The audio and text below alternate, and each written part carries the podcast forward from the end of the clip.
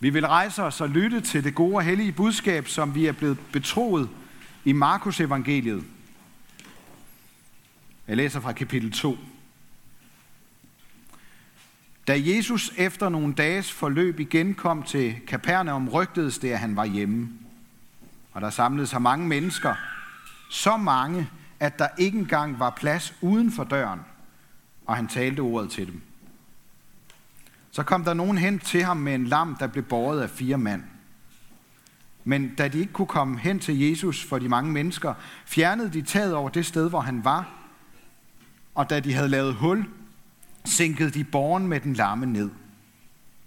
Da Jesus så deres tro, siger han til den lamme, Søn, dine sønder tilgives dig. Men der sad også nogle, skri- nogle af de skriftkloge, og de tænkte i deres hjerte, hvad er det dog, han siger? Han spotter Gud. Hvem kan tilgive sønder andre end en, nemlig Gud? Da Jesus i sin ånd straks vidste, at de tænkte sådan ved sig selv, sagde han til dem, Hvorfor tænker I sådan i jeres hjerte? Hvad er det letteste at sige til den lamme? Dine sønder tilgives dig. Eller at sige, rejs dig, tag din borger og gå. Men for at I kan vide, at menneskesønnen har myndighed til at tilgive sønder på jorden, siger han til den lamme. Jeg siger dig, rejs dig, tag din borger og gå hjem. Og han rejste sig, tog straks borgen og forlod stedet for øjnene af dem alle sammen, så de blev helt ude af sig selv og priste Gud og sagde, aldrig har vi set noget lignende. Amen.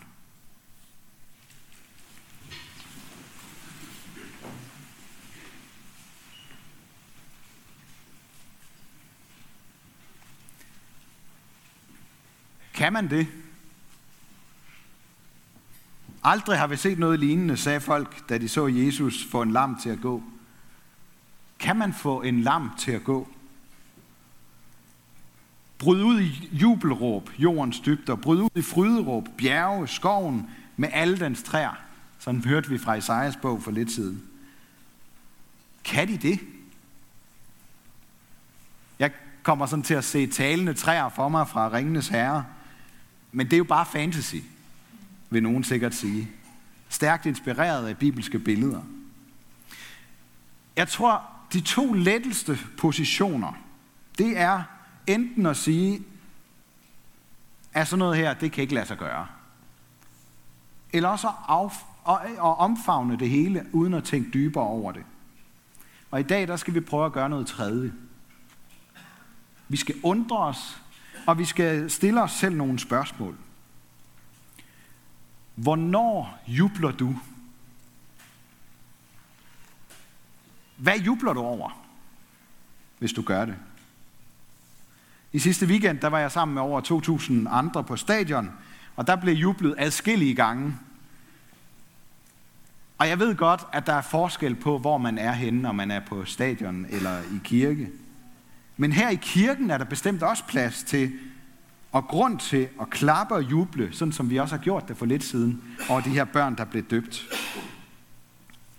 På stadion, der var det sådan, at, at de fleste nok synes, at det endte i et nederlag. I kirken, der er vi sammen om at glæde os over en sikker sejr, som Jesus allerede har vundet. Og vi er med i hans sejr, når vi giver ham lov til at genopbygge alt det i vores verden, der er gået i stykker. Sidste gang jeg var sammen med cirka 50 børn og voksne herinde i det her rum til noget, vi kalder karavanen, der legede vi med klodser. Og efter at have hørt præcis den samme fortælling, som jeg lige har læst for jer, om den lamme, som Jesus fik til at gå, så slog det mig, at der var mange af børnene i forskellige aldre, der utrolig godt kunne lide at, at bygge, bygge noget op. Men der er alligevel ikke noget bedre end at rave det ned igen. Og vælte det, man selv, eller måske endnu bedre, det ens øh, far eller mor har bygget op, det vækker jubel. Fra vi er helt små, så har vi en eller anden mere eller mindre skjult fryd over at smadre noget. Se det falde sammen. Og jeg ved ikke helt hvorfor, men jeg tror også, vi har en eller anden indre bevidsthed om, at på et eller andet tidspunkt, så falder alt det, som vi og andre har bygget op, sammen. På et eller andet tidspunkt, så vil det ske. Det er måske også derfor, det går så meget imod vores måde at tænke på, og at alle naturlov og sådan noget, når Jesus fryder sig ubetinget over at genopbygge. Det virker lidt fremmed for os. Og Gud Herren fortæller gennem profeten Esajas, sådan som vi hørte det, at sådan er han også. Han elsker at bygge noget op og genopbygge noget, som er faldet sammen. Han griber ind i verdenshistorien og genopbygger sit folk og sender sin hyrde, der skal grundlægge et nyt tempel. Han elsker at rejse et menneske op, der er faldet og ikke selv kan komme op, som har mistet alt håbet, og som ikke længere tror, at man er god nok. Han elsker at komme til det menneske og rejse det op og genopbygge os igen, efter vi er faldet. Og den her spænding mellem at ødelægge og genopbygge kommer tydeligt frem i nogle ord fra Paulus, som jeg synes, I skal høre. Jeg ved ikke helt, om vi, øh, om vi kan få dem her op på, men ellers så kan I bare høre dem her. Derfor skal I aflægge den gamle livsstil, som I havde før i tiden, da I blev bedraget af jeres begær var på vej mod fortabelsen. I stedet skal I fornyes i tanker og sind. I skal iklæde jer det nye liv, som Gud har givet jer, så I kan ligne ham og leve med en ren samvittighed i lydighed mod sandheden.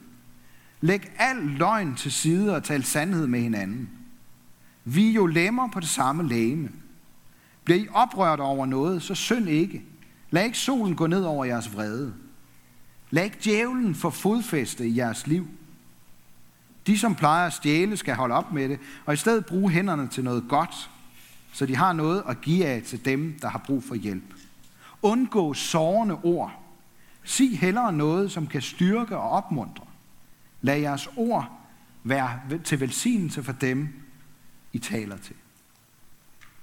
Kan I høre det, hvordan, hvordan Paulus hele tiden veksler i den her spænding mellem at ødelægge og opbygge og siger, I skal opbygge. I skal ikke ødelægge det for hinanden. Så er der mange, når de har læst Paulus og Bibelen, at de sådan laver en eller anden skældning mellem kroppen som det onde og ånden som det gode. Men det gør Paulus ikke her. Han taler om det gamle menneske, den måde, vi levede på før, som det, der vil ødelægge os og lamme os, begrænse os i at leve efter Guds vilje med sit begær, der vil forføre os til at tænke Gud ud af vores liv. Til at tænke, at vi har da ret til at gøre, hvad vi vil, også selvom det kommer til at ødelægge noget for andre. Den destruktive kraft, den skal vi lægge bag os, for at det nye, som Gud har skabt i os gennem dåben, det skal vi lade Gud bygge op i os gennem sin ånd. Det er det nye menneske, der lever af tro og tillid til Gud. Ligesom kroppen, så er det at blive vred ikke som udgangspunkt negativt. Det kan bruges til både noget godt og ondt. Både til at nedbryde og til at opbygge. Vi kan med vores handlinger give plads for det onde og for djævlen, der aldrig er ude på andet end at smadre alt det gode i vores liv. Og han er genopretterens modsætning. Det er ham, Jesus har vundet over. Og det er værd at juble over. Her i løbet af ugen, der kunne man øh, se mange mennesker, der samledes et sted op i Nordjylland, for at se et kæmpe stort fyr blive flyttet nogle meter ind i landet, sådan så det ikke faldt i Vesterhavet, fordi havet æder øh, kystlinjen øh, nogle meter hvert år. Og øh, folk var jo vældig glade, og journalisterne synes det var fantastisk og sådan noget. Men der var også en, som, øh, som ærgede sig lidt over, at han ikke fik lov til at se det falde i vandet. Det ville han hellere. Sådan et klostårn, der vælter. Wow. Det, det er sjovt, ikke? Der er et eller andet i os, der var... Øh, ej, det er nok bare, det er nok bare ham og mig. Nå, i, i den forbindelse, der så jeg en række klip med nogle gamle siloer på nettet, der blev sprængt i luften. Eller, eller mange gange, så blev der gjort forsøg på det, adskillige forsøg, sådan 6-7 forsøg, før det så endelig lykkedes. Det er altså ret komisk at se. Det var ligesom der i Nordjylland med, med, med hvad hedder det, fyrtårnet, så kommer der jo en masse mennesker ud og skal følge med, og de sidder der og har altid i hele verden til at vente på, at, at øh, det her braser sammen. Øhm, og de øh, står der og er klar og hører måske en høj hyletone, eller en, der råber, der sprænges, der sprænges, og så siger det bang, og det ryger, og så sker der ikke mere. Det er der et eller andet, øh, et eller andet komisk over. Folk, folk, som er sammen der, de begynder også at grine. De griner simpelthen helt spontant af det. Der er et eller andet øh, komisk i det. Grund til, at jeg har taget det med nu her og fortæller det for jer, det er, at det slog mig, at det kan, det kan give et billede på noget, som, som vi også kan smile og grine over. Faktisk juble over. Sådan er det nemlig at være et Guds barn. Der er meget, der kan ramme os, og det kan eksplodere og ryge og brage og få vores liv til at ryste. Det er der alt muligt, der kan. Men det, der er sket i dåben, det er, at Gud har flyttet os over i sit rige, så vi ikke falder helt sammen. Fordi han har ført os i sikkerhed. Lidt som tårnet, fyrtårnet i Nordjylland. Dengang Jesus fik en lam mand til at gå i Kapernaum, der var der også mange mennesker, der var samlet, for det var sensationelt. Jesus var sensationel. De grinede ikke dengang.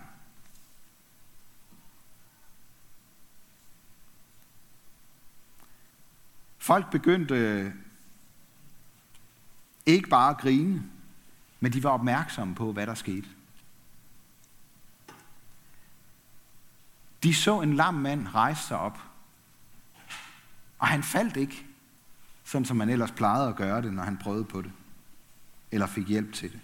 Han gik på de ben, der plejede at være lamme. Der var ellers mange mennesker samlet, fordi de ville se og høre noget spændende.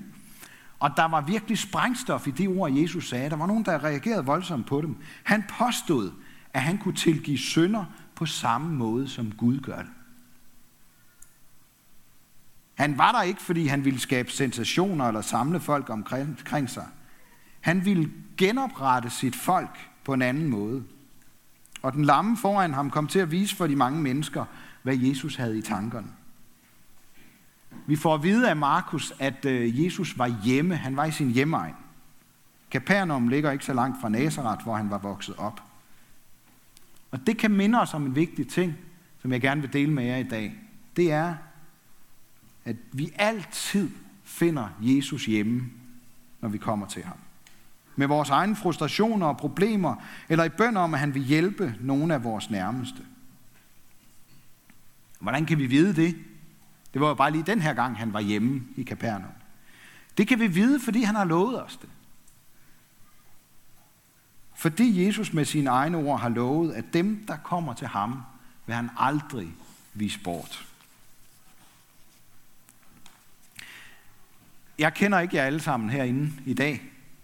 Gør jeg sådan set aldrig, når vi er til gudstjeneste. Det er vi for mange til.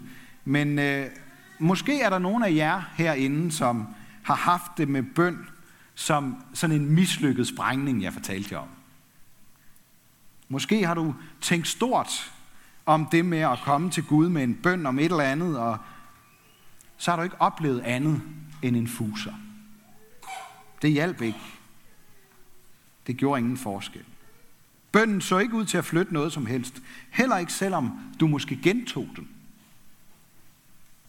Så kan man let føle, at man har spildt sin tid, eller måske få lyst til at grine over, at man sammen med andre troede, der kom til at ske noget, men blev skuffet. De fire mænd, der kom med deres ven til Jesus, man har haft et eller andet at have deres tro i. For det lignede et fuldstændig umuligt projekt at få deres ven ind til Jesus. Og så skulle der ske et helt utroligt mirakel, før han kunne komme til at gå. Men det, de troede på, det håb, de havde, det fik udtryk og krop med deres handlinger. Deres ønsker og omsorg for deres ven blev til både bøn og hjælp. Det tror jeg, vi kan lære noget af. Nogle gange så tror jeg, at vores tro eller mangel på samme bliver bremset af, at vi vil have Gud til at fjerne en begrænsning for os. Spræng det i luften og befri os lige nu og her, så vi kan juble over et mirakel måske. Men det sker ikke altid. Jeg, har ikke, øh, jeg er simpelthen ikke ude på at give jer en hel masse mere eller mindre gode forklaringer på, hvorfor det er sådan. Men i dag, der får vi et eksempel og nogle billeder på, hvordan Gud ønsker at genoprette os og vores verden. Og den lamme, der kommer til at gå, fortæller os, at Jesus vil gøre det muligt, som er umuligt for os, utænkeligt for os. Han vil rejse os op, når vi ikke selv kan gå længere, og skabe fred mellem os og Gud. Det vi ikke selv kan. Hvis det virkelig er rigtigt, at Jesus vil lave om på, at vores liv ender som et tårn, der falder sammen og bliver begravet i støv, så er der altså virkelig god grund til at juble over ham med alt, hvad vi har, både krop og ånd. Kunne det tænkes, at det gør noget ved os, hvis vi bruger vores krop til at vise vores taknemmelighed med? Jeg kan i hvert fald ikke lade være med at juble og råbe og klappe, når der bliver scoret på stadion eller i fjernsynet, når jeg ser fodbold. Og Frida, der var med ude på øh, stadion sammen med min familie, hun sagde, at det lød som om, der var cirka 2.000 af mig derude på, øh, på én gang.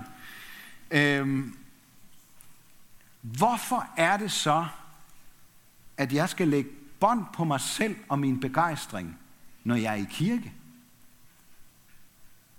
Hvis man aldrig viser sin glæde med kropslige udtryk, så skal man selvfølgelig ikke tvinges til at gøre vold på sig selv og sin naturlighed, hverken på stadion eller i kirken. Men om AGF vinder eller taber en kamp, er altså, undskyld mig, overhovedet ikke i nærheden af at være bare en lille bitte smule vigtig i forhold til, hvordan vores livs kamp ender hver især. Og jeg har bare lyst til at skynde mig at sige, der er altid plads til en mere på det hold, hvor Jesus går foran og sikrer sejr. Det er bare som om, vi nogle gange kan komme i tvivl om det, hvis vi kun ser rundt på alle de kristne på holdet.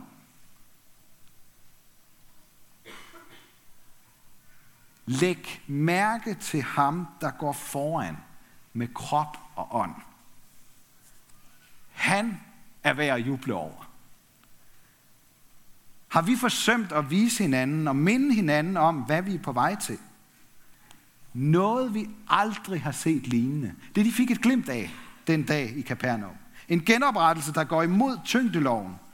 Døden og alle dem, der er mest optaget af at ødelægge.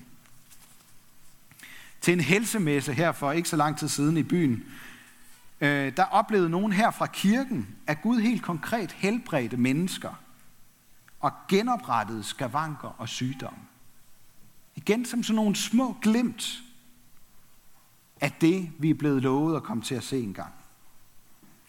Det skal jo ikke få os til at jagte mirakler, men ligesom den lamme åbne vores øjne for, at genopretteren stadigvæk lever og vil skabe tro i os med både krop og ånd. Jesus lod sig korsfeste og opgav til sidst sin ånd for at genoprette vores mulighed for at være sammen med Gud igen. Så når vi synger og ærer Gud med vores kroppe her i kirken, eller vores tro og taknemmelighed over for Gud bliver til konkrete handlinger til gavn for andre, så er det ikke på grund af stemning eller en særlig stor tro, eller fordi det får Gud eller andre til at lægge mærke til os. Det handler om, at vi giver Gud æren for alt det, han gør, fra han dannede os i vores mors mave, til vi engang står og jubler over den endelige sejr over sygdom og død og ondskab. Han er genoprettelsen, genopretteren af tro, krop og ånd. Og du og jeg er hans mest elskede skabninger. Uanset hvor meget tro vi har, hvordan vi udtrykker os med vores krop, eller hvor fromme vi synes, vi er, så er det stadigvæk sådan. Her i kirken, der handler det, Gudske lov, ikke om, hvad vi har præsteret eller opnået, men først og sidst om, hvad genoprettelsens Gud har gjort for os. Og det giver mig lyst til at løfte hænderne og sige, ære være Gud, vores far, der har skabt os i sit billede. Ære være Guds søn, der tog vores straf, så vi kan slippe fri. Ære være Helligånden, ham, der ønsker at gøre Guds kærlighed levende for os.